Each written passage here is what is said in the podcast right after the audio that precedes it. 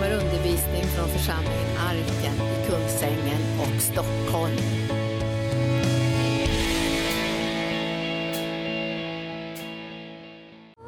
Jesus, vi tackar dig.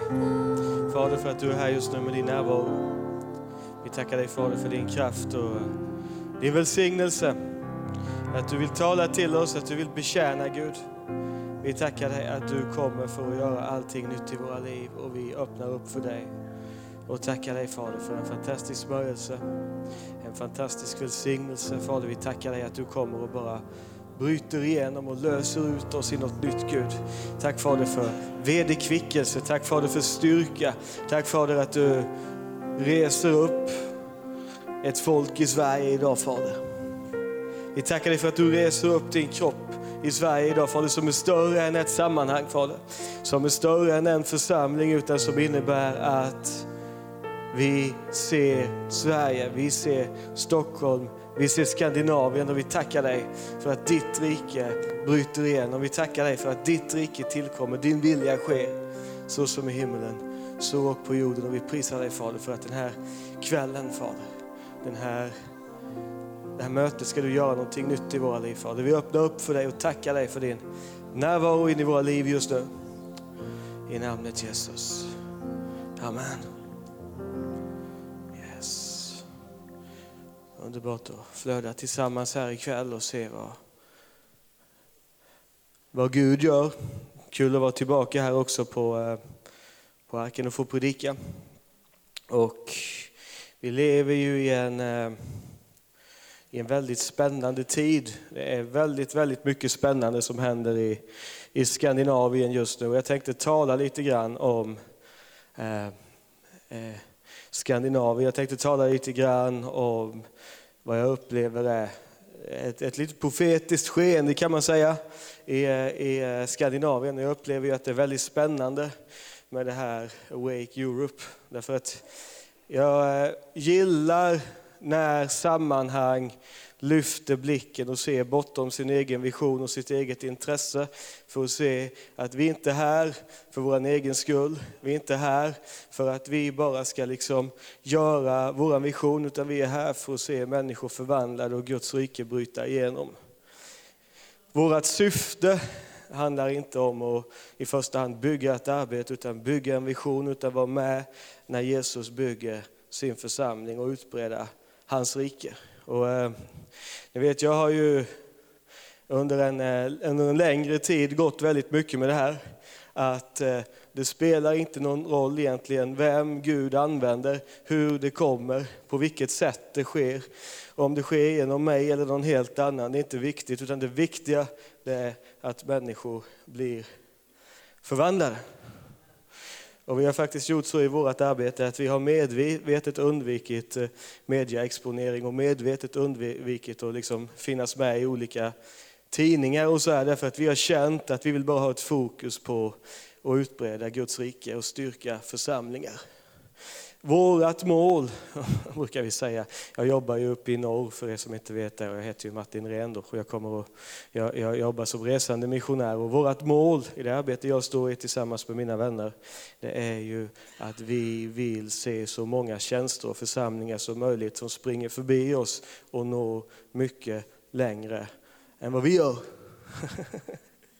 Vi är gärna med och utbildar Sen gör det ingenting om församlingarna glömmer bort att vi har varit där, utan det viktiga är att de kommer ihåg att det är Jesus som bygger sin församling. Det är väldigt skönt och väldigt fritt att leva så. Det är väldigt gott att leva utan, utan egen intresse, utan tanke på hur ska det gå för mig och min lilla nisch. Hur ska det gå för mig och min lilla box? Du vet, när Jesus eh, dog på korset så flyttade Guds närvaro ut ur förbundsarken som ett, eh, som ett profetiskt tecken på att Gud gillar inte boxar. Och varje gång du försöker sätta in Gud i en box, det må vara eh, arken, Bethel, IHOP, Faders hat eller vad det än är, så kommer Gud att spränga den boxen. För Gud är alltid mycket, mycket större än våra boxar. Och när Gud gör någonting nytt så kommer det inte vara så att vi ber att Gud ska göra någonting nytt. Utan, och, så sker det, och så sker det som vi alltid har tänkt. Utan när Gud gör någonting nytt, så gör han någonting nytt Och då är det bara att haka på. Det är väldigt gott. Eh, väldigt fritt, väldigt underbart att leva så. Och jag tänkte läsa ifrån Lukas kapitel 3 ikväll. Eh, vi ska läsa mycket mer här, men vi ska läsa det till att börja med. De första två verserna. Då står det så här. Eh, under kejsar Tiberius 15 regeringsår, när Pontius Pilatus var landshövding över Judeen, Herodes landförste över Galileen, hans bror Filippus över Ituren och Trakonitislandet och Lys Lysanias över Abilene. Och när Hannas och Kajfas var överstepräster, då kom Guds ord till Sakarias son Johannes i öknen. Jag tycker det är väldigt intressant att eh, i den tid, som är som i våran tid, när en massa människor satt på sina troner, när ett antal människor var överstepräster, när, ett antal, när någon var kejsare och någon var landsförste. Och en massa människor satt på sina troner. Då kommer Guds ord till Johannes i öknen. Det är en sån tid som vi lever i idag, tror jag. Jag är helt övertygad om det. Och vi ska, vi ska, vi ska prata, mer, prata om det här ikväll, tänkte jag lite grann. Att Gud plockar ju väldigt sällan de mest sannolika kandidaterna, eller hur? Han plockar väldigt sällan människor som är mest kvalificerade, mest tillrättalagda och de som verkar lämpligast i det yttre. Utan det naturliga kunde man ju tänka, det är ju att vi ska inta liksom de här bergen nu eh, eh, av inflytande och så tar vi liksom den som är kejsare. Och så tar vi det, det, liksom, eh, det religiösa berget, också den religiösa sfären här, och så plockar vi de som är överstepräster eller landsförsta. Och så här. Men Gud, han går förbi dem och så tar han en nisse som står ute i öknen klädd i kamelhår och som käkar vildhonung och har liksom gräshoppsben hängande i skägget.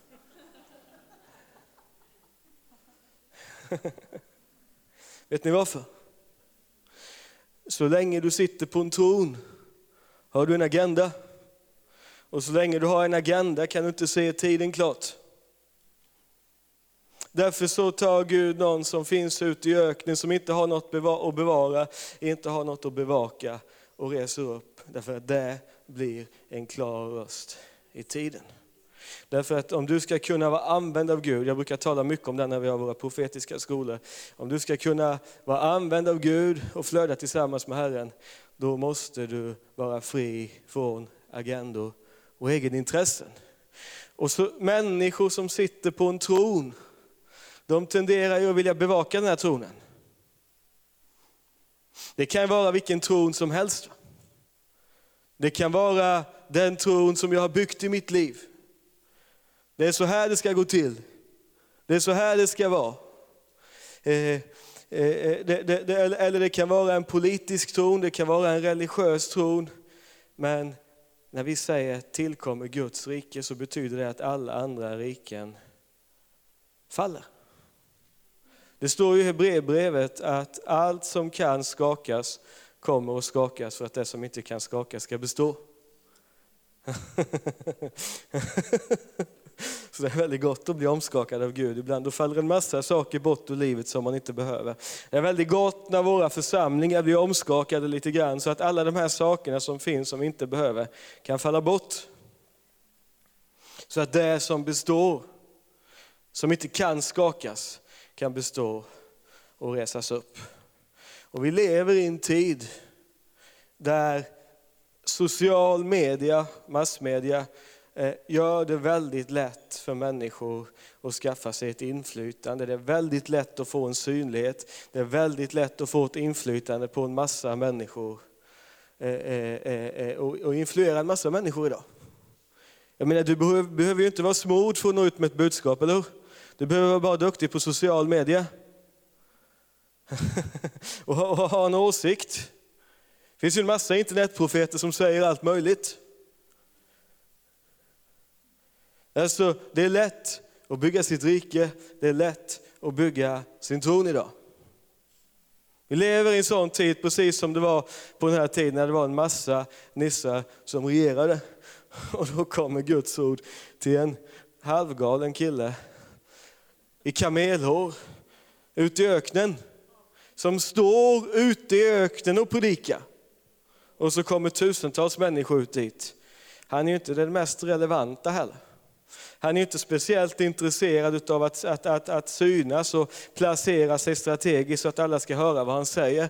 Utan han kör den mest konstiga outfiten du kan tänka dig på den mest, jag menar vem vill gå ut i öknen? Det finns kanske i och för sig de som vill det, men har du suttit fast ute i öknen som jag har gjort så kommer du märka att öknen är inte en så kul plats.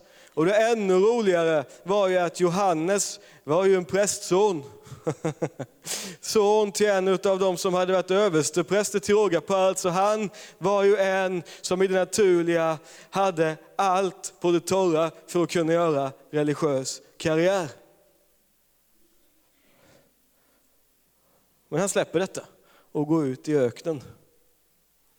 Och när, när han är där ute i öknen, jag vet inte vad han gör, solar och hittar någon oas och simmar lite i och sådär.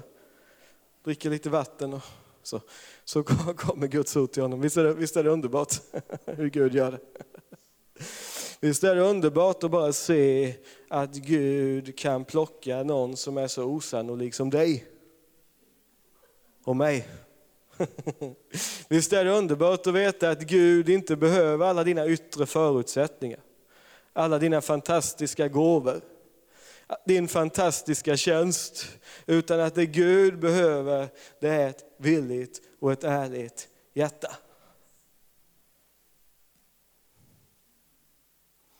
Det Gud behöver är en människa som längtar efter att se eh, eh, Guds rike utbrett. Det Gud behöver är en människa som längtar efter att och, och, och leva på det sättet som Jesus när han säger att jag gör det jag ser min himmelske fader göra. Ni vet fariseerna, de kommer ju till Jesus med en fråga som jag möter ganska ofta som resande förkunnare. Jag reser ju mycket, resande missionär brukar jag säga att jag är. och så, eh, och så eh, kommer man till olika sammanhang. Och då får man ungefär samma fråga som fariseerna gav till Jesus ibland. Jag tänker på det, att den frågan är väldigt populär i våra kretsar ibland. I vems namn och i vems auktoritet gör du detta? Det vill säga, vem har sänt ut dig?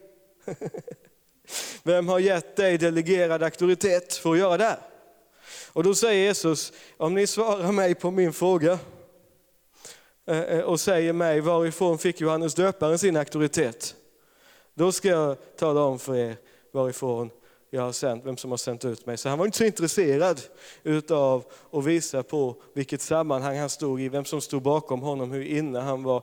Utan det, varje gång som Jesus fick den frågan så hänvisade det till att han hade sin himmelske faders vittnesbörd på det han gjorde.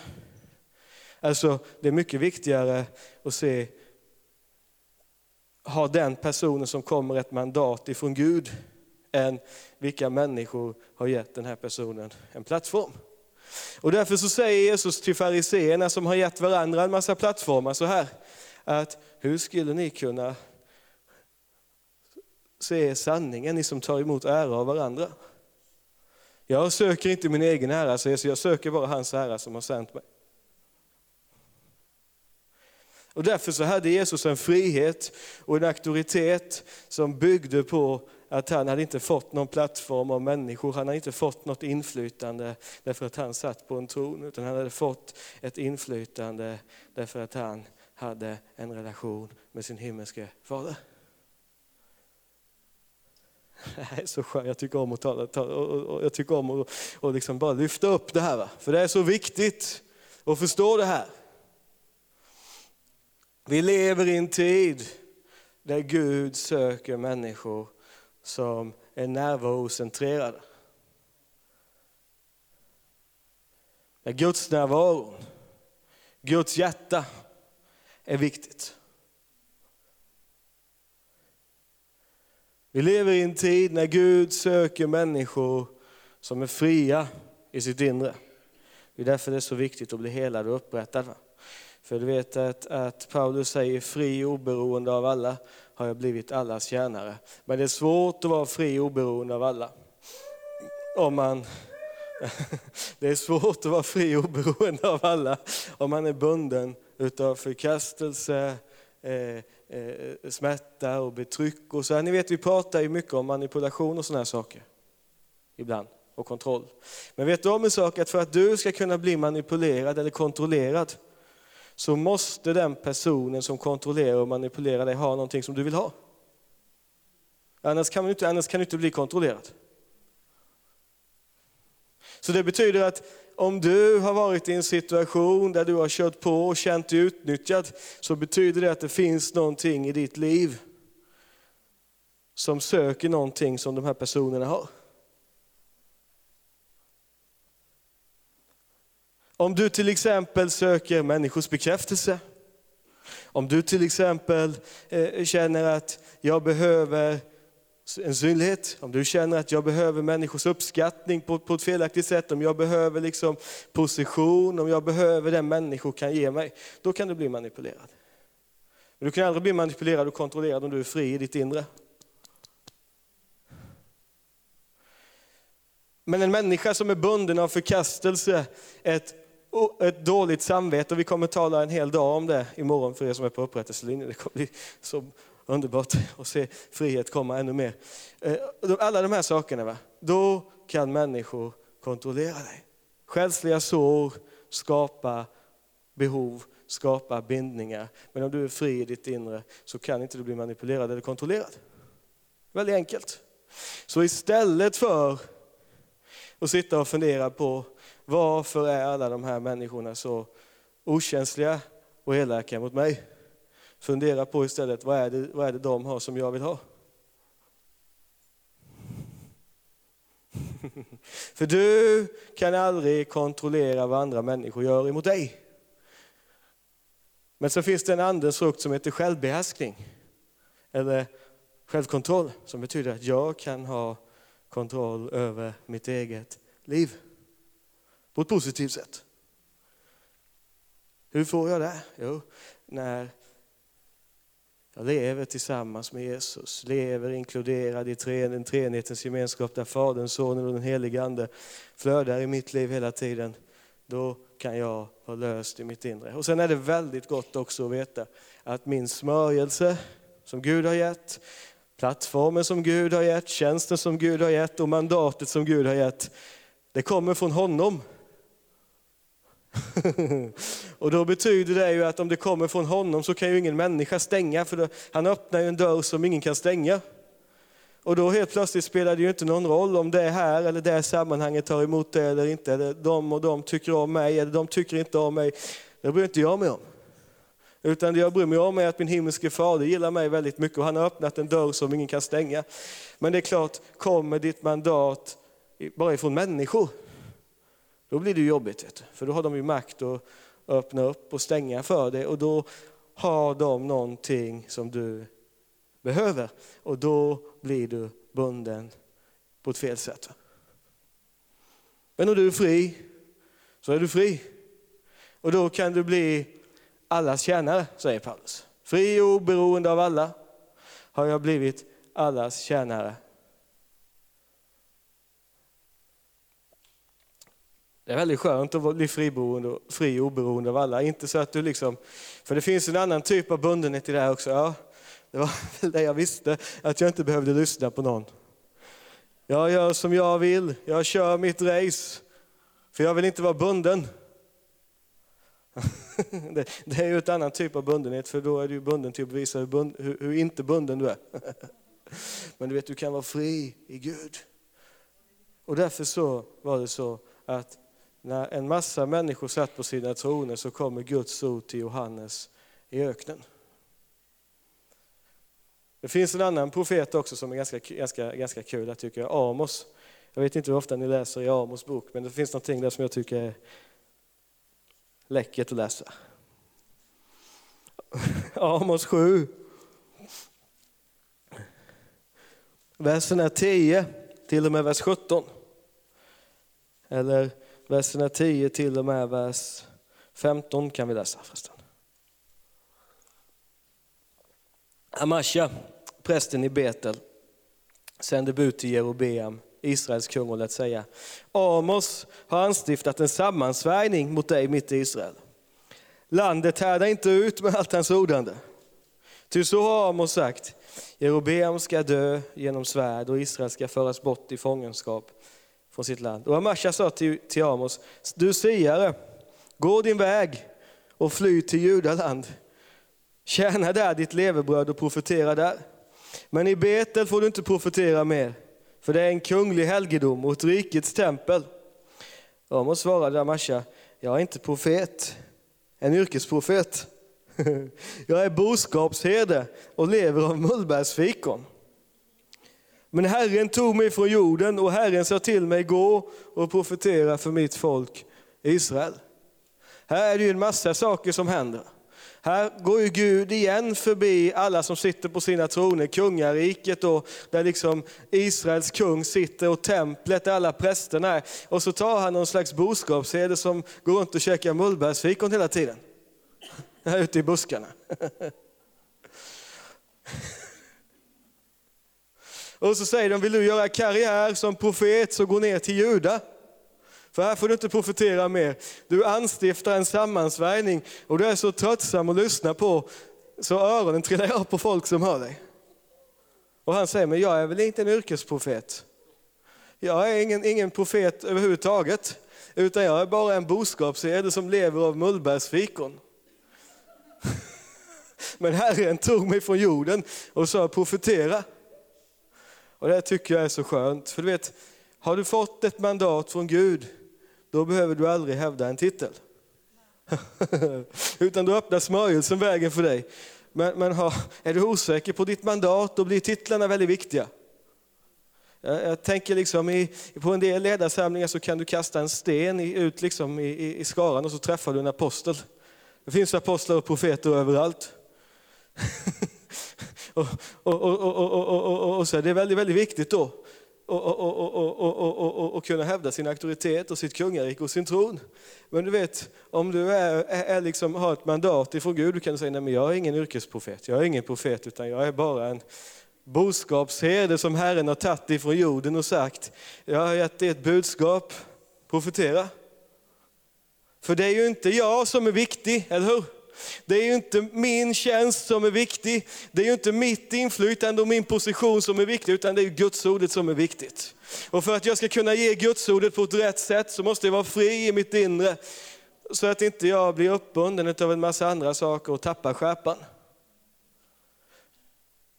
Gud vill resa upp ett folk som ser att det är vårt budskap till Sverige som är viktigt. Det som är viktigt är att det finns flera miljoner svenskar, om man tar Skandinavien, finländare och norrmän, som mår fruktansvärt dåligt och som behöver evangeliet. Det är viktigt. Vårt budskap, vårt uppdrag, det är viktigt. Och det kan vara väldigt skönt att kunna säga, det är inget speciellt med mig. Jag är bara en enkel boskapsherde som har någon annorlunda hobby. Jag går runt och käkar mullbärsfikon hela tiden. Kunde äta något annat också kan man tycka. Johannes käkade i alla fall gräshoppor och honung. De verkar ha konstiga matvanor de här profeterna, en del av dem. Gud säger till Hesekiel, du ska vara ett profetiskt tecken för Israel. Så jag vill att du tar människoavföring, det vill säga bajs, och så gör du bröd på det.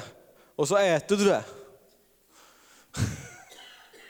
Och då säger Hesekiel, grundläggande så här, jag gör det inte. Och då säger Gud, okej, okay, ta kobajs istället då. Ja, märkligt. Och så får han hålla på och gestalta Jerusalems belägring med en massa leksaksgrejer och så här. Och Jesaja sprang runt naken i, i, i flera år och, och höll på. Va? Det är ingenting jag rekommenderar i nya förbundet förresten, så inte missförstå mig nu. Men, men poängen är, det här är ju inte kandidater som man skulle välja om man skulle titta på yttre kvalifikationer.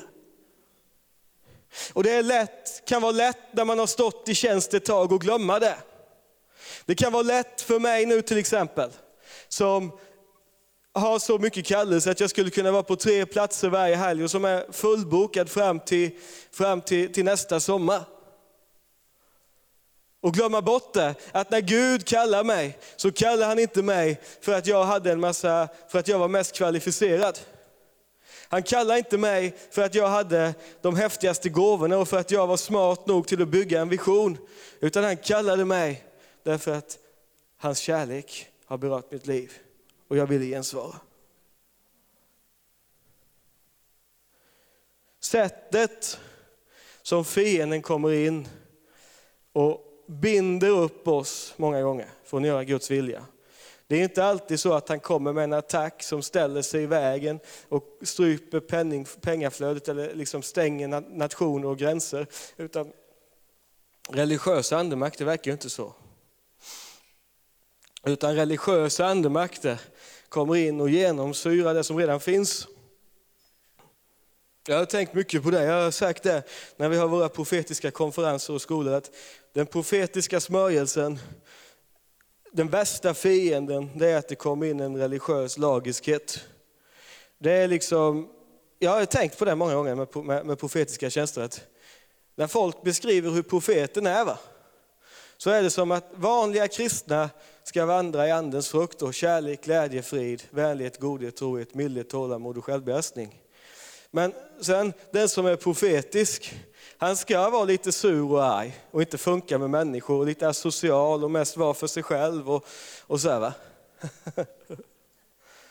Men anledningen till att det blir så, det blir att om du ser i anden och inte du ser utifrån ett gudsperspektiv så kommer du börja fokusera på människors synd och fel och brister. Och när du blir syndfokuserad så kommer en lagiskhet in och när lagiskheten kommer in så kommer du använda din auktoritet till att trycka till människor istället för att sätta människor fri. Men Gud vill att vi ska sätta människor fri. En av de sakerna som, som, som, som händer när människor blir satta fri, det är ju att man blir satt fri från synd. Men du blir inte satt fri från synd genom att jag står och skäller ut dig, vet du.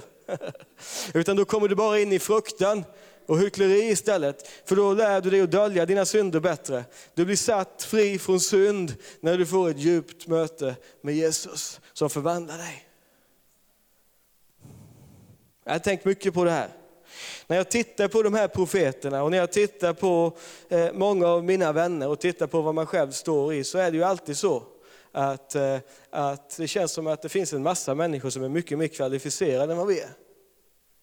Det finns en massa människor som skulle kunna göra det här mycket bättre än vad vi gör. Det känns som att många gånger så eh, känns det som att Gud, eller det är inte, inte bara känns, det är så.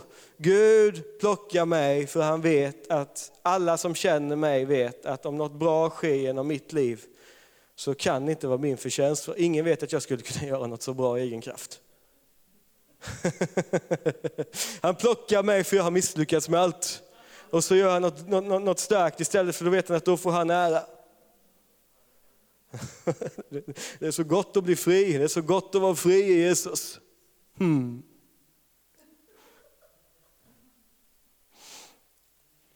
Hur, hur, hur, hur, ser det här ut då? Hur ser en sån här livsstil ut? Tänkte vi ska tala om det också här. Och vi ska gå till, till Höga Visan tänkte jag. Höga Visan kapitel 2.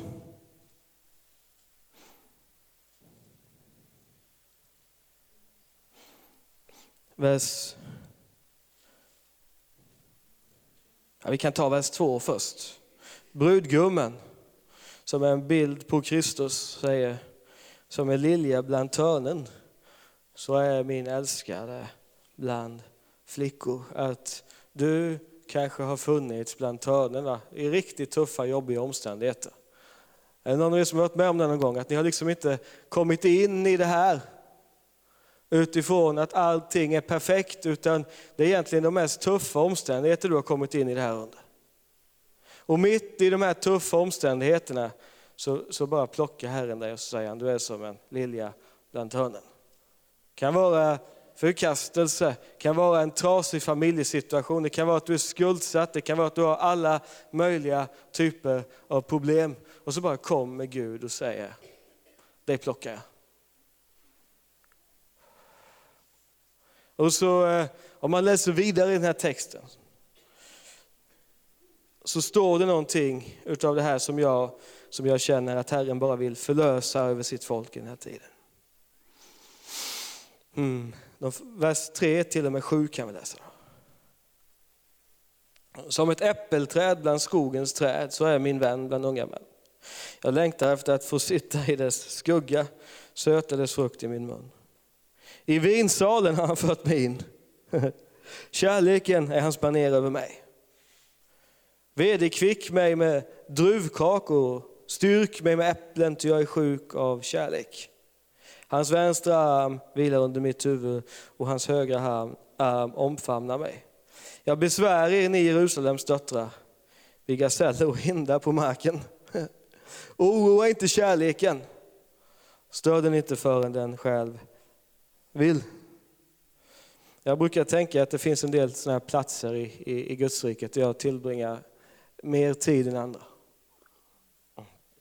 Jag brukar tänka att jag gillar att vara i vinsalen. Vet du. Jag brukar säga att jag har blivit inlåst där. Han har fört mig in i vinsalen och hans baner över mitt liv är kärleken. Vinsalen, alltså vinet, det nya vinet är ju en bild på den helige Ande. Det första miraklet som Mose gjorde, eller det första undret, det var att han gjorde, om man tar de här plågorna, så, eller ett, ett, ett av, ett, en av plågorna var att han gjorde vatten till blod och det ledde till död. Men när Jesus kom så gjorde han, var hans första tecken att han gjorde vatten till vin. Han, han sänkte liksom inte partyt utan han höjde stämningen ännu mer. Han gjorde vin när gästerna redan var berusade. Och på samma sätt så vill Gud att vi ska vara ett folk som dricker. Lever i Guds närvaro, dricker av Guds närvaro, lever i smörjelsen och låter det här flödet få finnas här inne och få verka i våra liv. Han går, så, han går så långt att han säger, jag är sjuk av kärlek. Det finns en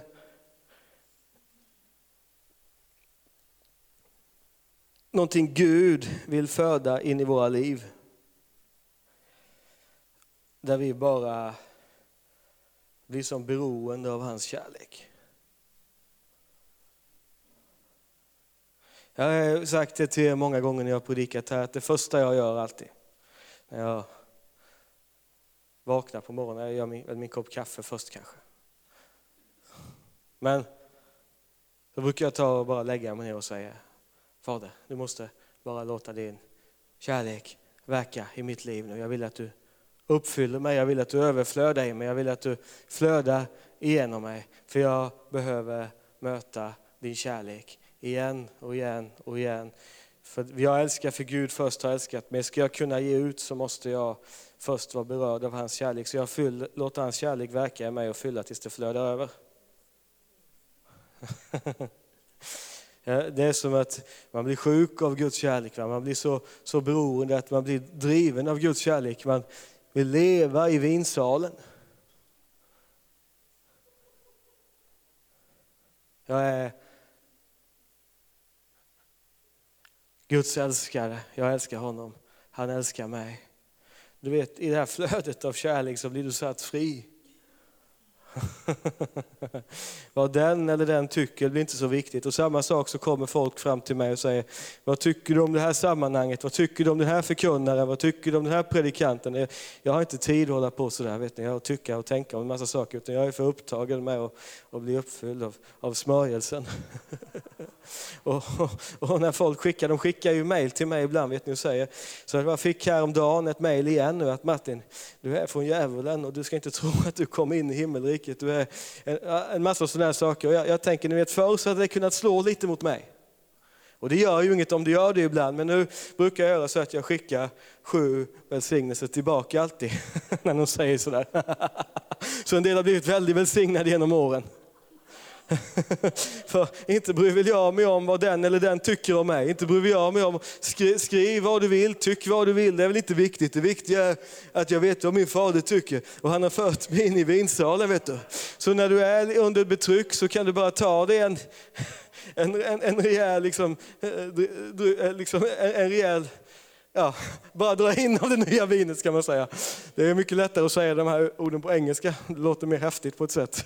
Men i alla fall, det är väldigt gott att vara så fri. Vet du. I det år som en massa, det var ju därför som vår ursprungstext här, att i det år som en massa folk satt på sina troner. Det fanns en kejsare och en massa kungar och furstar och präster. Så kommer Guds ord till Johannes i öknen. Jag tycker det är häftigt i Ryssland. Det, det är ett av, av de eh, eh saker vi stöttar. Det är ett rehabcenter i Ryssland. Och det roliga är att många av ledarna i den regionen är sådana som har gått på det här rehabcentret och så blir de frälst. Och sen så går de ut och så blir de ledare. ledare. Och i många sammanhang i Ryssland är det jätteviktigt att du har gått ett teologiskt seminarium och fått en rätt utbildning och att rätt person säger att den här personen är okej. Okay. Och så tar Gud bara någon eh, före detta alkis som har blivit tränad på det sättet att han har luggit liksom i, på parkbänken. Eller, eller drogat ner sig och, och liksom sålt och varit nära att förlora livet. Och så, som bara blir radikalt förvandlad av Guds kärlek. Och helt plötsligt så står en sån och predikar för en massa människor med, och, liksom, och, och, och betjänar. Därför att Guds kärlek har gjort ett verk. Och den personen har blivit plockad. där finns inte något behov av att beskydda någonting för man har redan förlorat allt. Jag brukar tänka det ibland, det är inte fel att förlora sitt anseende. För när du har förlorat ditt anseende och ditt rykte så finns det inget mer att förlora. Om du redan är körd, om ingen tycker om dig, vet du, då behöver inte du beskydda någonting, då behöver inte du försvara dig. Och det kan vara ganska skönt att inte behöva försvara sig ibland. Det, det, man blir mycket friare då. Och så kan man bara leva liksom i vinkällaren. Och styrka sig av druvkakor och sådana saker som det står här. Och ligga på, på, på sin älskades arm. Och, och, och, och, bara uppleva, du vet, jag har ju sagt det på bibelskolan så många gånger, att du har ju egentligen ingen personlig gudsrelation. Utan du är inkluderad i Jesu relation med Fadern. Du är i Kristus och du är liksom insatt i flödet av treenigheten. Liksom i en stor himmelsk familj. Det är ju inte frågan om en hierarki, så först har vi den helige Ande, sen har vi Jesus och sen har vi Fadern längst upp. Utan treenheten är treenheten därför att det är ett konstant flöde av kärlek emellan dem. Det behövs ingen auktoritet i treenheten så att Fadern säger, jag måste försvara liksom min position här. Och sonen säger, jag är ändå på mitten och den helige Ande, äh, men jag får väl gå ner och fylla dem då för jag är liksom längst ner här. Det är inte alls så, de har missförstått alltihop. Utan det är ett konstant flöde av utgivande kärlek. Därför den helige Ande pekar på Jesus, Jesus pekar på, på Fadern och Fadern pekar på Sonen och Fadern och Sonen sänder den helige Ande. Eh, det är ett ständigt flöde av kärlek i treenigheten. Och där finns du, tillsammans med dem. Ständigt berörd, ständigt uppfylld, ständigt välsignad. I den relationen och den gemenskapen. Du är i vinsalen vet du. Det nya vinet flödar.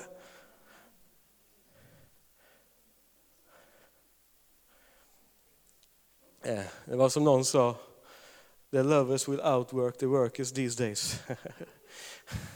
Eh, älskarna vill, kommer att eh, arbeta mer än arbetarna i den här tiden. Det är bara det att när kärleken flödar så gör du det inte därför att du måste prestera någonting.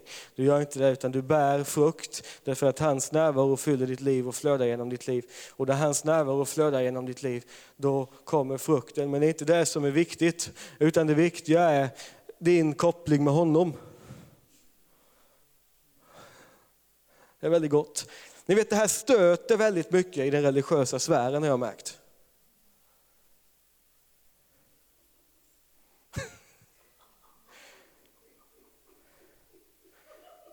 Därför att där finns alltid ett behov utav att kunna kontrollera och boxa in folk och se vem är det egentligen som har mest inflytande här. Det är alltid så i religiösa strukturer. I alla länder jag åker så är det så. Förstås inte här i Sverige då, men i alla andra länder så är det så att det är väldigt mycket, vem är det som är häftigast här och vem är det som är störst här? Vem ska ha sitt namn på affischen och vem ska synas i tidningen och så här. Men du vet att när du, när du lever uppfylld av Herren i Guds relationen, då blir inte det där viktigt längre, utan det viktiga är ju att det bryter igenom för Guds rike. Vem som gör det och vem Gud använder, det spelar väl ingen roll. Och vet, ofta är det så också när Gud gör något nytt, att han gör något nytt. Och så använder han någon in i ditt liv som är en helt annan personlighet än du. Med helt andra gåvor än du hade tänkt och helt annan framtoning än vad du hade tänkt. Bara för att han vill lära dig lite ödmjukhet. Att nu gör vi inte detta på ditt sätt. Nu gör vi, inte, nu gör vi detta på mitt sätt. Och det är det jag tycker är så häftigt när Gud gör någonting. För har ni märkt hur ofta en väckelse kommer genom någon man inte har förväntat sig? När något häftigt händer och Gud gör något starkt, det är ofta så att han väljer någon som ingen har hört talas om förut. Så här. Och så får alla bara ödmjuka sig och ta emot. Det tycker jag är jättespännande. Det är jättenyttigt för mig. För det prövar mitt hjärta och det uppenbarar vad som finns i mitt hjärta. Och då är frågan, spelar det någon roll för mig att det kommer på mitt sätt? Eller är jag beredd att släppa på min stolthet lite grann och ta emot det Gud gör? Oavsett vem det kommer igenom. Men det kan du göra. Därför att om det är kärleken och flödet tillsammans med Herren som är det viktiga, då blir de andra sakerna inte så viktiga. Är ni med på det? Och sen, sen talar han så fint här i Höga Visan om den tid vi lever i. Bruden säger så här, oroa inte kärleken, stör den inte för den själv vill.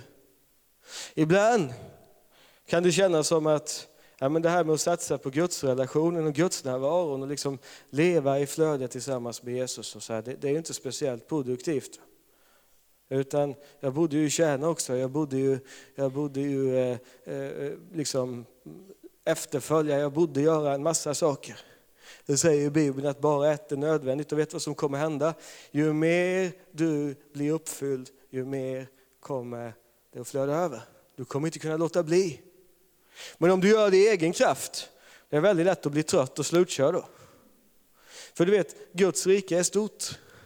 Det är tungt. Det är därför det står att han bär herra, herradömet på sina skuldror. Tänk om man sa, jag lägger herradömet på dina skuldror, gör ditt bästa. och när du har kört slut på dig så tar vi nästa så här, som får göra sitt bästa ett tag. Och sen tar vi nästa. Jag vet, det funkar inte så. Det funkar dåligt då. Inte ens Ingmar skulle åka då. Vet du. och därför så säger han, jag gör verket genom dig. Jag bär genom dig. Om du är fokuserad på mig, om du lever i flödet från min kärlek, så bär jag det här för dig. Och då kan väldigt mycket hända. Väldigt starka saker kan hända utan att man tänker på det. Bara igår så fick jag sms av någon som berättade att du hade varit med och bett för en, för en person som var väldigt svårt sjuk i cancer och de kunde inte göra något i det naturliga. Och så var personen helad. Och fick liksom det var till läkaren, personen var helad. Det kan ju inte jag prestera fram. Jag kommer inte ens ihåg att vi hade bett för personen. Och så fick jag ett annat mejl för ett litet tag sedan av en, en, en ung tjej från Uleåborg i Finland. Tänk att Gud verkar i Finland också. Visst är det häftigt? Han väljer det som ingenting är. Jag är halvfinsk själv så därför kan jag skoja om det här. Jag har mer finska släktingar än svenska så jag, jag älskar Finland. Jag reser mycket i Finland så därför kan jag skoja lite om det här. Okej, okay, är det okej? Okay? Eh, och så var vi i Oulu, Uleåborg. Och så säger de så här, du måste följa med till sjukhuset och be för folk. Och då var det en kvinna som, som, som, som eh, följde med mig och så gick vi då till, till, till, eh, till sjukhuset och träffade en, en, en, ung kvinna som hade sin, sin mamma där, som var, hade någon blodsjukdom eller vad det var. Det var en jobbig sjukdom, det var ett allvarligt läge. Och så bara ber vi. Och sen så får jag vittnesbördet att hon var, hon var helad. och det ledde till att den här tonårsdottern blev förlöst ut i sin kallelse. Det har inte jag tänkt på, jag bara tänker jag flödar med Jesus. och, så, och så var vi i Kemi också, det var också i Finland. Och så var det en kvinna som kom fram till mig och sa, du håller ju på mycket med det profetiska. Skulle du kunna hjälpa mig att komma in i, i liksom i, i förlösa, liksom be för mig att jag får komma ut i, i, i liksom syner och uppenbar och sådana här saker. Ni vet, jag, jag tycker ju tiden är över för den typen av profeter där alla ska komma till den profeten med stort P och fort ord, utan vi vill ju förlösa det här över så många som möjligt. för det är ju tjänstegåvans uppgift att rösta så många som möjligt. Så då, då tog vi tid och så bad vi där. Vet ni. Och så, och så bara började hon flöda. Och sen har hon flödat sen dess och så hör hon av sig till mig på Facebook och säger du måste vara som min mentor i det profetiska. Jaha, säger jag. För jag vet inte, det är ingen annan som kan hjälpa mig. Kan, kan jag få skriva till dig när jag vill? Och skulle jag kunna få följa med dig? Jo, absolut. Vi har ett finskt team som brukar resa med oss när vi kör i Finland. Och vi är i Finland ett par gånger i månaden, så det är bara att haka på. Vet du. Eh, hon blev förlöst där. Eh, och, och, du vet sådana här saker är, är, är ju underbart men det, det, är ju inte jag som gör det, är inte ens jag som planerar det utan jag flödar i hans kärlek och så sker väldigt mycket bra så här. Du vet, du, du, ni, vet ju, ni ser ju, jag är inte speciellt smart.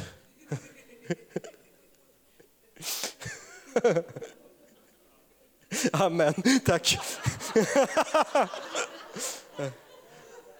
Så när ni ser att jag gör det här så fattar ni att jag, jag har inte presterat detta och jag kan inte fixa till detta. Men han kan göra det här genom oss.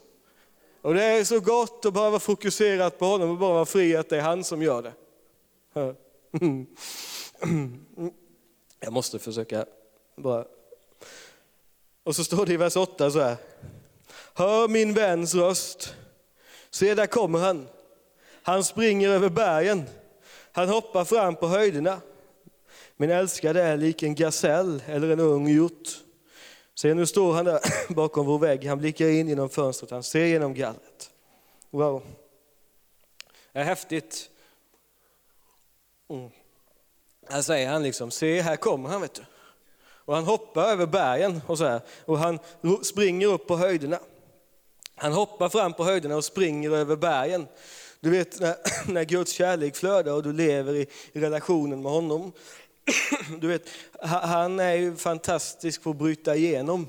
Så du behöver inte hela tiden hålla på och fokusera då på allt motstånd och alla berg och alla höjder som står emot utan han springer fram på bergen, han hoppar fram över höjderna tillsammans med dig när du går med honom. Han bröt makten av all fiendens härsmakt. Han bröt makten av, av, av allt andligt motstånd i Kristus. Och därför så, när du går med honom, så är det så att han, han inte bara liksom ställer dig framför bergen och säger flytta på dem själv. Utan han är så häftig att han hoppar fram över höjderna. Vet Han hoppar fram över bergen. Så där du har upplevt ett väldigt andligt motstånd, när du dricker av det nya vinet, istället för att hålla på och fightas mot fienden, så blir du som fylld utav, utav eh, jag höll på att säga dunderhonung. Himmelska superkraft, du blir fylld av smörjelsen. Och då hoppar du fram över bergen istället. Va? Han lever i dig. Han, har, han, är, han är den stora genombrottsmannen. Det var någon sa till mig, du, du har ju väldigt genombrott, det är väldigt ofta himlen öppnar sig när du kommer. Nej, jag har inte öppnat någon himmel. Det klarar inte jag. Vet du. Han öppnade himlen för 2000 år sedan. Och han är genombrottsmannen som hoppar fram över höjden och som springer fram med oss. Det är väldigt skönt att veta. Ja, men du vet inte vilka attacker jag går igenom. Och då brukar jag alltid säga så här, nej men du vet ju inte vilka attacker jag har gått igenom heller. Jag har också varit med, jag vet hur det är att vara bunden på olika sätt och, här, och sitta i fångenskap på olika sätt. Eh, så, så jag vet att han är väldigt bra på att ta oss ut ur fångenskap och omöjliga situationer. Han är, he's the breaker. the big breaker. Han är den stora, den stora, han är vårt genombrott. Han hoppar fram på höjderna. Han är som en gasell. Tycker det är häftigt. Tänk att han är som en gasell, liksom hoppar fram där som en gasell och som en hjort och så tar han oss med sig. Det är underbart. Han bryter motståndet. Motståndet bryts när du dricker. Vet du.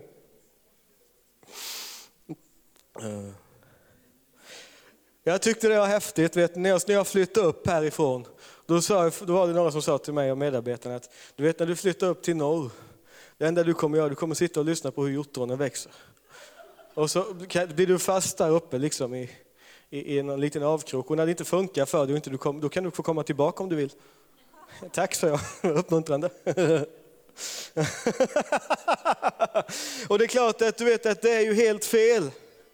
En ung kille som har ett sådant märkligt efternamn som Ren, som bor uppe i en by som ingen vet om. Och så liksom, hur ska jag kunna komma ut i någonting? Det funkar ju inte. Jag har inte rätt CV. Jag, har inte, jag, menar, jag lyckades till och med släva bort Görans digitalkamera när vi var på missionsresa första gången. Det var mitt track record. Liksom. och, och, och, och, så liksom, ja, det var, det var kärvt där ett tag. Och sådär. så jag hade ju inget bra CV, jag hade ju inte lyckats så fint. Och så kom man upp dit. Va? Sitter upp i skogen där och tänker, va, va, liksom, tänker att medarbetaren hade rätt, tänkte jag första vintern. Men sen har jag ju lärt mig att dricka. Va? Och du vet när gudsnärvaron flödar så, så flödar det tills det flödar över.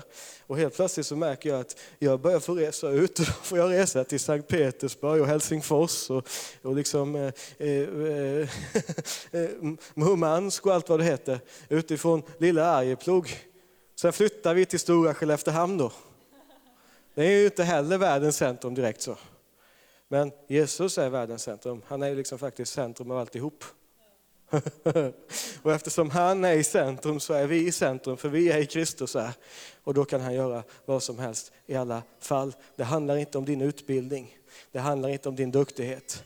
Det handlar inte om din potential, det handlar inte om din lämplighet, det handlar inte om vad du kan eller inte kan. Det handlar om, vem är han? Och det handlar om, dricker du? det är väldigt gott det här vet du. Och jag älskar ju när Gud bara plockar någon som alla andra tycker att han inte skulle ta. Han gör det för att reta dig vet du. Han gör det för han tar, Du har bett om en gåva i flera år. Du har bett om att få bli använd på Gud på ett visst sätt på flera år. Och så bara tar han någon som verkar helt osannolik. Och så bara gör han det och så får du stå jämte och titta på. Och då kan du välja om du vill sitta och sura då, eller om du vill vara med och glädja dig.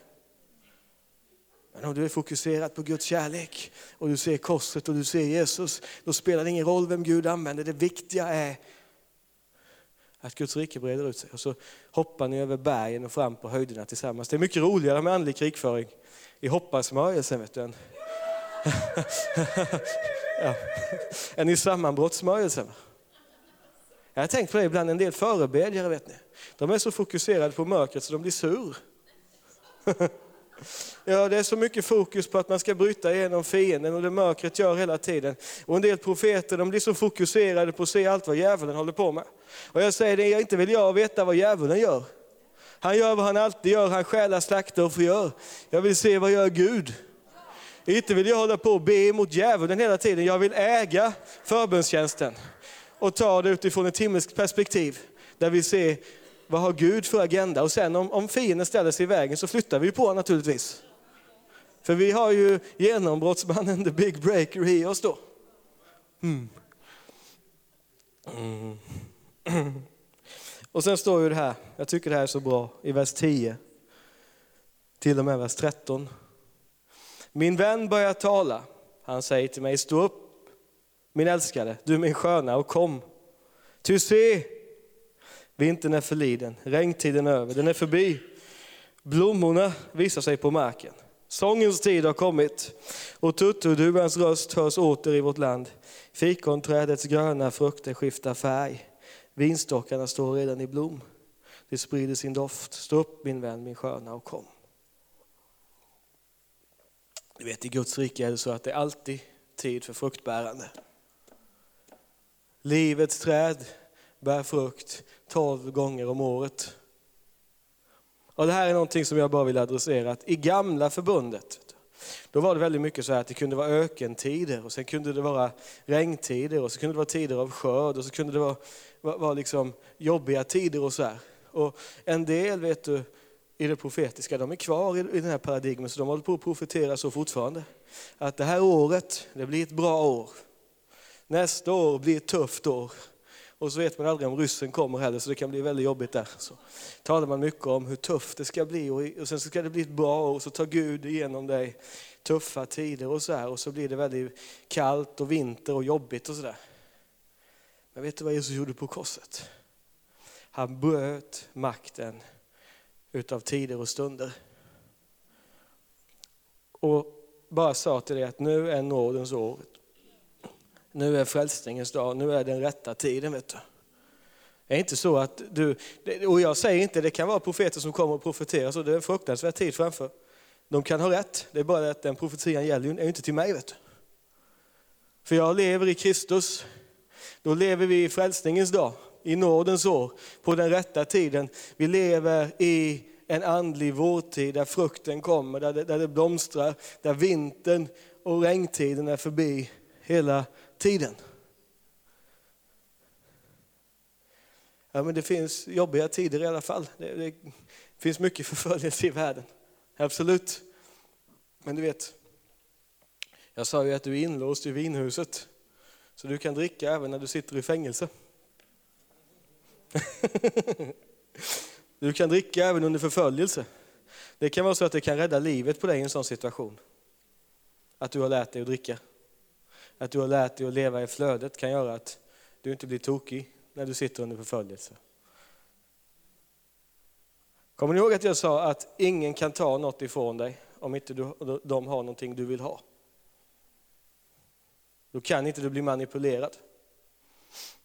Och du vet, människor kan ta din yttre frihet och göra fruktansvärda saker mot dig i det yttre. Men du lever ju Guds barns härliga frihet för du har en väldigt fantastisk pappa. Vet du. du har en väldigt fantastisk bror i Jesus Kristus och en väldigt fantastisk hjälpare i helig ande som bara, det bara flödar. Vet du. Så ingen kan ta din inre frihet. Därför att där kan du alltid leva med Jesus. Sen vet jag hur det är att bli slagen för evangeliet. Jag vet hur det är att bli mordhotad, jag vet hur det är att bli instängd och allt sånt här ifråntagen friheten. Eh, där förlorar man ganska mycket också av sitt anseende när man sitter i sådana situationer. Så det behöver inte vara fel att gå igenom tuffa tider, men du har på insidan en vårtid hela tiden. Det finns ingen anledning till varför inte smörjelsen ska kunna flöda varje dag. Det finns inte en anledning till varför inte människor ska bli frälst nu på vägen hem från mötet här. Det finns ingen anledning till varför inte du kan bota sjuka på bussen hem sen här. För Jesus är ju i dig och han har brutit makten utav väntans tider. Ibland tänkte jag så här när jag hörde om kallelse och tjänst. Vet ni. Att man måste ju vänta väldigt länge. Man kan ha en kallelse och så måste man vänta tills man blir avskild. Och så tänker jag att det här avskiljandet verkar ju dröja rätt lång tid. Och så är det ju inte Gud heller som ska avskilja, utan det är ju människor som ska avskilja dig. Men jag har ju upptäckt att smörjelsen kommer ju direkt ifrån Herren. Va? Därför att Kristus är den smorde och, och, och, hans smörjelse. Kristus är den smorde. Så all smörjelse finns i Jesus. Treenigheten är ganska smord vet du. Och treenigheten finns i dig. Så han kan smörja dig och avskilja dig när som helst. Sen betyder inte det att du ska strunta i alla, alla, alla råd och tips som du får, eller att du ska säga liksom, jag gör vad jag vill överallt. Så här. Det är inte det jag pratar om. Men väntans tid är över. Vet du. Nu är frälsningens dag. Nu kan du komma ut i det Gud har för dig. Nu kan du gå i det han har kallat dig till genom det som Jesus har gjort. Han har fört dig in i en ständig vårtid, en ständig blomstringstid tillsammans med honom. Mm.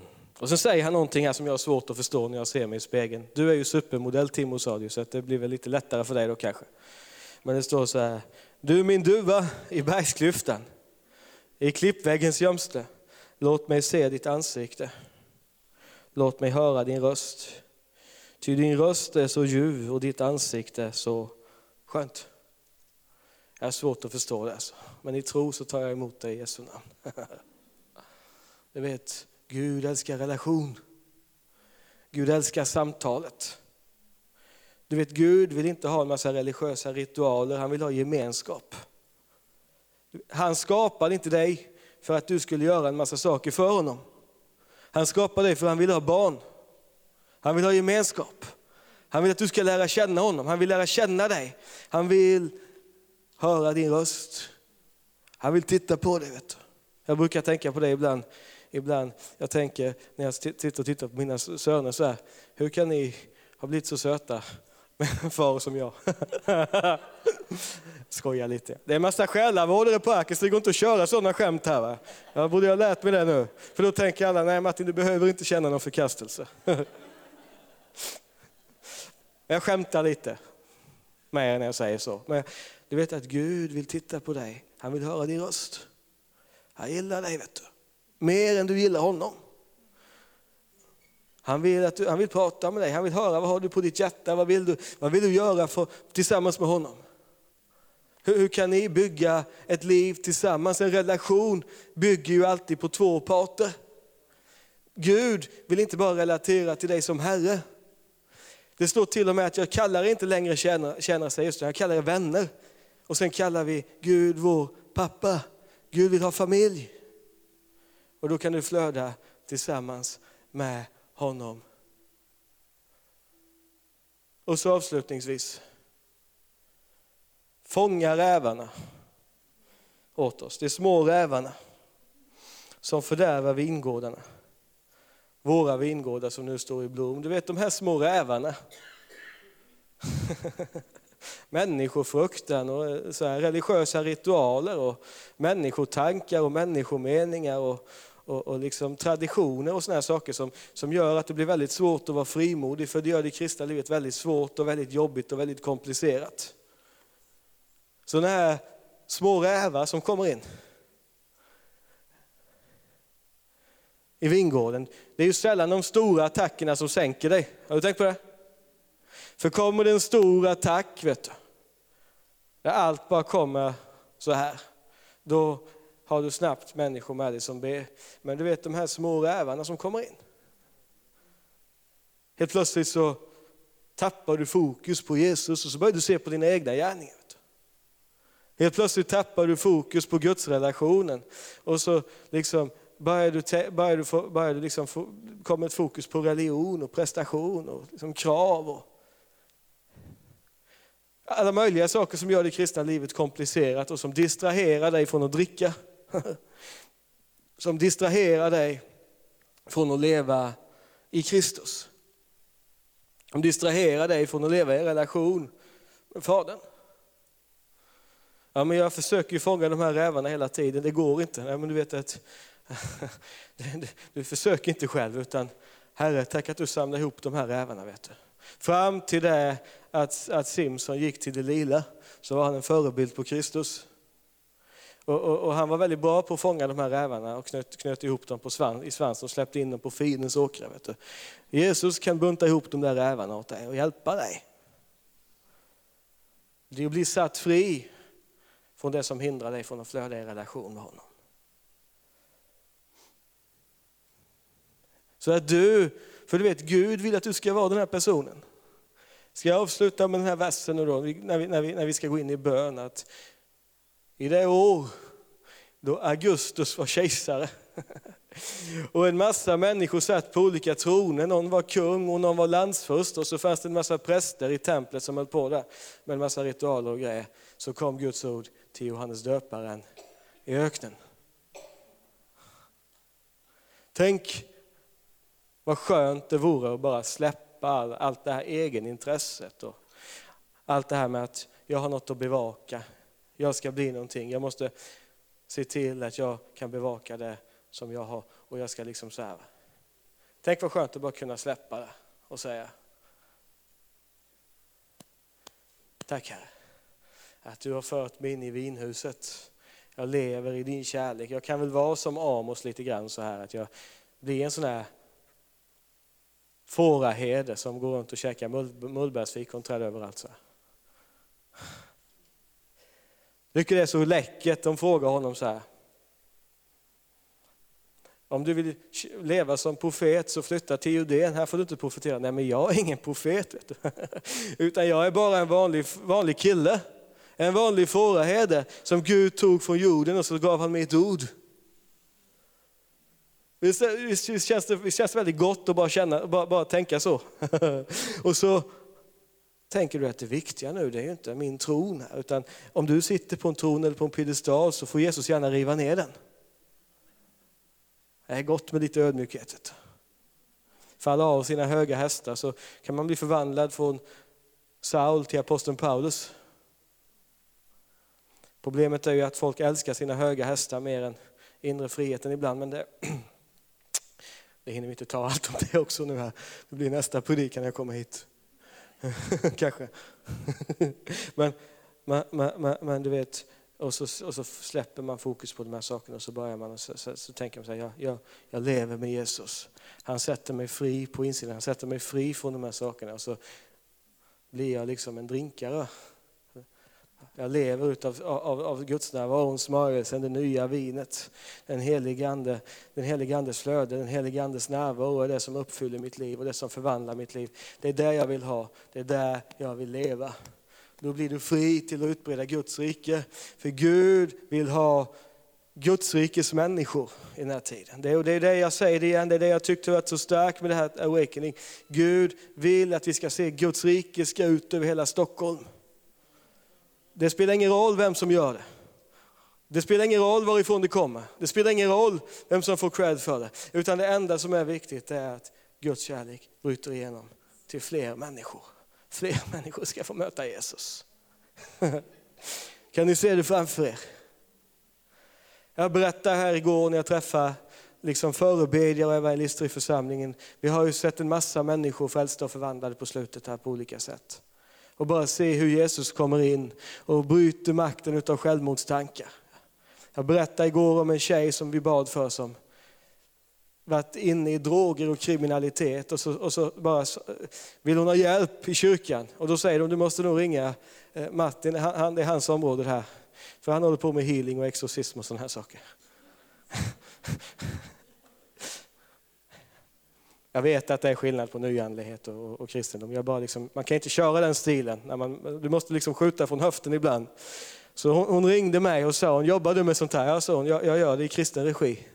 Eller i Jesus, i Jesus style eller vad jag sa, jag träffar gärna dig.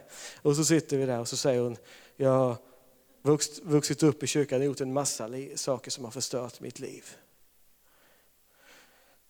Och så når jag inte fram i samtal och så ber vi. Och så bara kommer Guds ande och löser ut henne och så ligger hon och gråter. Och så reser hon sig och säger, jag fattar inte vad som har hänt men det känns som jag har fått ett nytt hjärta. Det känns som jag har blivit alldeles ny på insidan. Det var ju inte en massa häftig teologi som gjorde det, eller rätt liturgier. Det är Jesus som gör sådana saker. Eller när vi var i Ryssland vet du, så kommer det en ortodox kille in på ett av våra möten en gång. Och han har ju bara den referensramen, den ortodoxa. Så han kommer fram till mig och gör korstecknet och kallar mig fader. Undrar om man kan få en välsignelse. Och jag försöker ju prata med honom, men jag märker ju att det funkar ju inte att prata med honom. För han har ju helt andra ord och helt andra, liksom, det när jag säger Jesus och bön så betyder helt andra saker för honom. För han kommer från en annan tradition. Men så finns det ett språk som alla människor talar och det är Guds kärlek. Det är Guds närvaro. Så jag säger, vi pratar inte mer, nu får jag lägga handen på dig och bara be för dig. Och så ber vi och så, och så börjar han gråta och så säger jag, liksom, jag har ett ord till dig. Och så får jag profetera in i hans liv och säga, du vet att jag, jag, jag är, jag är jag är liksom en sån präst som, res, som reser runt och talar om för människor hur mycket Gud älskar dem och att Gud har ett upprättat liv. Och idag ska du få börja den här resan in i ett nytt liv. Visst är det underbart? Vet du? Se skörden. Se alla människor som kan bli förvandlade av Guds kärlek. Visst är det underbart att tänka offensivt istället för att tänka defensivt. Jag vet jag säger, och jag har sagt det förut, men det här är inte bara något jag säger, utan det är någonting som vi, som vi liksom lever i och som brinner i våra hjärtan hemma. Herre, vårt arbete där vi står i, det är din tjänst. Om du vill välsigna det så gör det. Om du vill bränna upp det så gör det. För vi äger inte detta. Vi bevakar inte detta. Jag är beredd att släppa det om det skulle behövas. Vi äger inte detta, du äger det. Det viktiga är att ditt rike bryter fram. Det viktiga är att ditt rike går fram. Och du vet när du lever så här, du är liksom den här nissen kanske som går där med kamel, kamelhår och liksom äter vildhonung och har gräshoppsben hängande så här. Du är den här lite konstiga typen som kanske inte folk förstår sig på. Det finns många sådana. Jag är ju en av dem. Så jag brukar säga det är min ström, det är mitt folk, det är mitt gäng.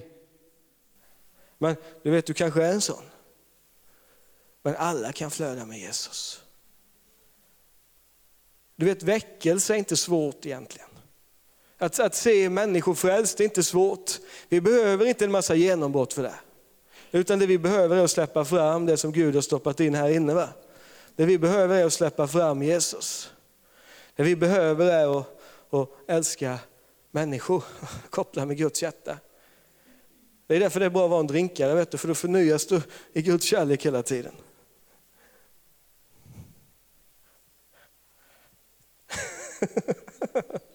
Fader, vi tackar dig för din närvaro här ikväll. Vi tackar dig för din kraft. Vi tackar dig för ditt flöde. Vi tackar dig Fader för det du ska göra här. I namnet Jesus. Mm. Mm. Vi tackar dig Fader för att du bara vill ta oss in i vinhuset. Att du har låst oss in där på platsen där det nya vinet flödar och där din kärlek flödar, där ditt liv flödar, där din kraft flödar. Och vi tackar dig Fader för helanden och frihet och upprättelse som kommer. Vi tackar dig att ikväll Fader så ska vi bli satta fri till att gå med dig, till att tjäna dig, till att leva ut det nya livet tillsammans med dig. Och vi tackar dig Fader. Hmm. Att vi inte behöver vara så häftiga och speciella utan vi kan kliva av våra troner, våra egenintressen och ge oss till dig och säger Fader du får göra vad du vill i våra liv. Vi ber dig just nu om att du ska komma här med din, med din närvaro och din smörjelse och bara tala in i våra liv just nu. Och bara verka in i våra liv. Vi tackar dig Fader för det. Jag prisar dig Fader. För att du eh, vill röra vid människor den här kvällen. På ett starkt sätt Gud. Du vill göra någonting nytt. Du vill ta oss ut i någonting starkt Fader. Vi öppnar upp för dig just nu. Tackar dig för det Gud. Ha, vi bara prisar dig Fader för hur ditt liv och din närvaro bara verkar här just nu.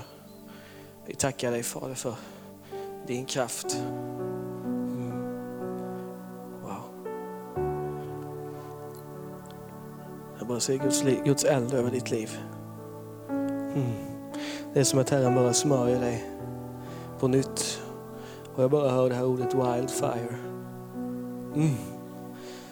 Herren bara förlöser den elden över ditt liv. Det är en okontrollerbar eld som kommer brinna och som kommer ta dig till platser du inte trodde var möjligt. Och som kommer öppna upp för dig. Så du kommer se de drömmar, du kommer se det du har längtat efter förlösas, uppenbaras och bryta igenom. Mm. Herrens eld bara frigör dig. För att det finns en kärlek i ditt liv till Guds, till Guds närvaro och Gud kommer bara använda det till att lösa hans närvaro över så många människor. I namnet Jesus. Mm. Jag känner hur Gud bara rör vid flera här inne just nu som har upplevt att det har varit svårt för dig att komma ut i kallelsen. För det att du upplever att människor har gjort det krångligt. Och det har bundit upp dig.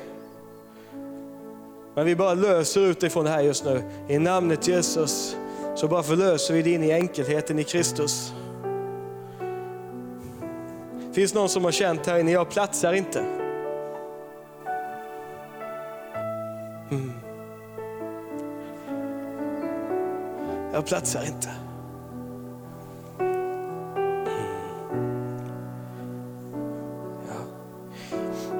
Eh, Marianne, jag ser den här bilden över ditt liv vara så starkt. Hur Jesus kommer till dig och lägger sin arm om dig och säger kom nu så går vi. Nu ska du in i ditt Destiny. Nu ska du ut ur det gamla, in i det nya. Du ska bli förlöst in i dina gåvor. Du ska bli förlöst in i smörjelsen Gud har lagt på ditt liv på ett helt nytt sätt. Mm. Mm. Yes. Mm. Karin, jag bara säger helande smörjelsen över ditt liv just nu. Gud gör något nytt i ditt liv. Mm. Bryter makten av gammal smärta. Bryter makten av det gamla. Klipper banden till det gamla och bara löser ut så mycket helande in i ditt liv just nu. I namnet Jesus så bara tackar vi dig för din helande kraft och din helande närvaro just nu. I namnet Jesus. Ah, tack Jesus. Mm. Finns någon som har gått igenom skilsmässa? och du har känt att det diskvalificerar dig. Jesus bryter makten av dig just nu. Det är en lögn. Herren gör allting nytt i ditt liv. Han reser upp dig igen och han smörjer dig på ett nytt sätt och tar dig ut i det han har kallat dig till. Han har gjort dig till en ny skapelse. Det gamla är förgånget, det nya har kommit. Jesus, gör något nytt. Det finns någon som har blivit utsatt för olika typer av övergrepp, ord, slag, eh, handlingar, sexuellt. Gud gör ett verk i ditt hjärta just nu. Gud gör ett verk i ditt liv. Bara en djup befrielse, djupt helande. Du ska ut i det som Herren har för dig. Mm. Det finns här också som har varit väldigt trött. Jesus kommer med ny kraft. Det, har också det finns också människor som har magproblem, oro, oro i magen. Stressrelaterat. Jag upplever att det kommer hela till dig. Det kommer lugna sig.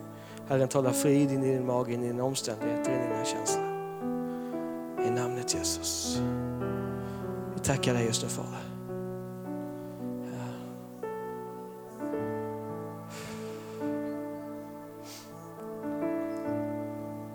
Vi har talat om det här med, jag har känt det har varit ett profetiskt skeende eller en, en kallelse. Som på något sätt går ut där. Guds ord kommer till Johannes, där han, han sitter inte på sin tron. Han har inte mycket att hålla fram. Men han får möta Gud. Och när en människa har fått möta Gud spelar det ingen roll om inte man har inflytande troner eller liksom rätt för omständigheter. Utan Guds närvaro, smörjelsen och favören som Gud ger öppnar dörrarna. Talar vi om den här inre friheten som Gud vill ge. Fri och oberoende av alla har jag gjort mig till allas tjänare. Det är det vi har pratat om och sen har beskrivit hur det ser ut då, med Guds kärlek. Och jag känner just att om du går med fruktan, du har varit orolig för att tappa bort det Gud har för dig. Du har gått med förkastelse kanske. Du har gått med smärta. Du kanske upplever att det Gud har för dig har blivit taget av olika sätt. På olika sätt av människor. Eller du känner att jag är en sån där udda typ som Amos alltså, som vi läste om. Eller Johannes döparen eller Hesekiel.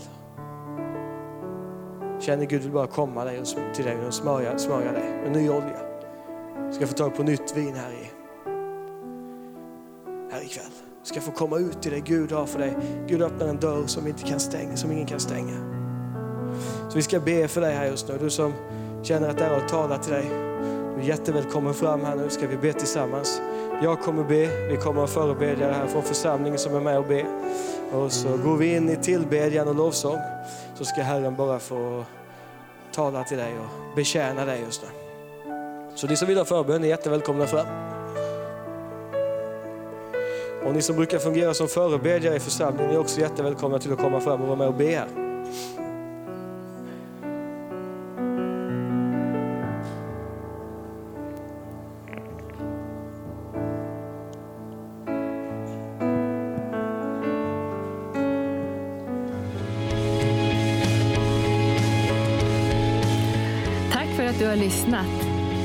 Få del av mer information om församlingen Arken, vår helande tjänst, bibelskola och övriga arbete, gå in på www.arken.org.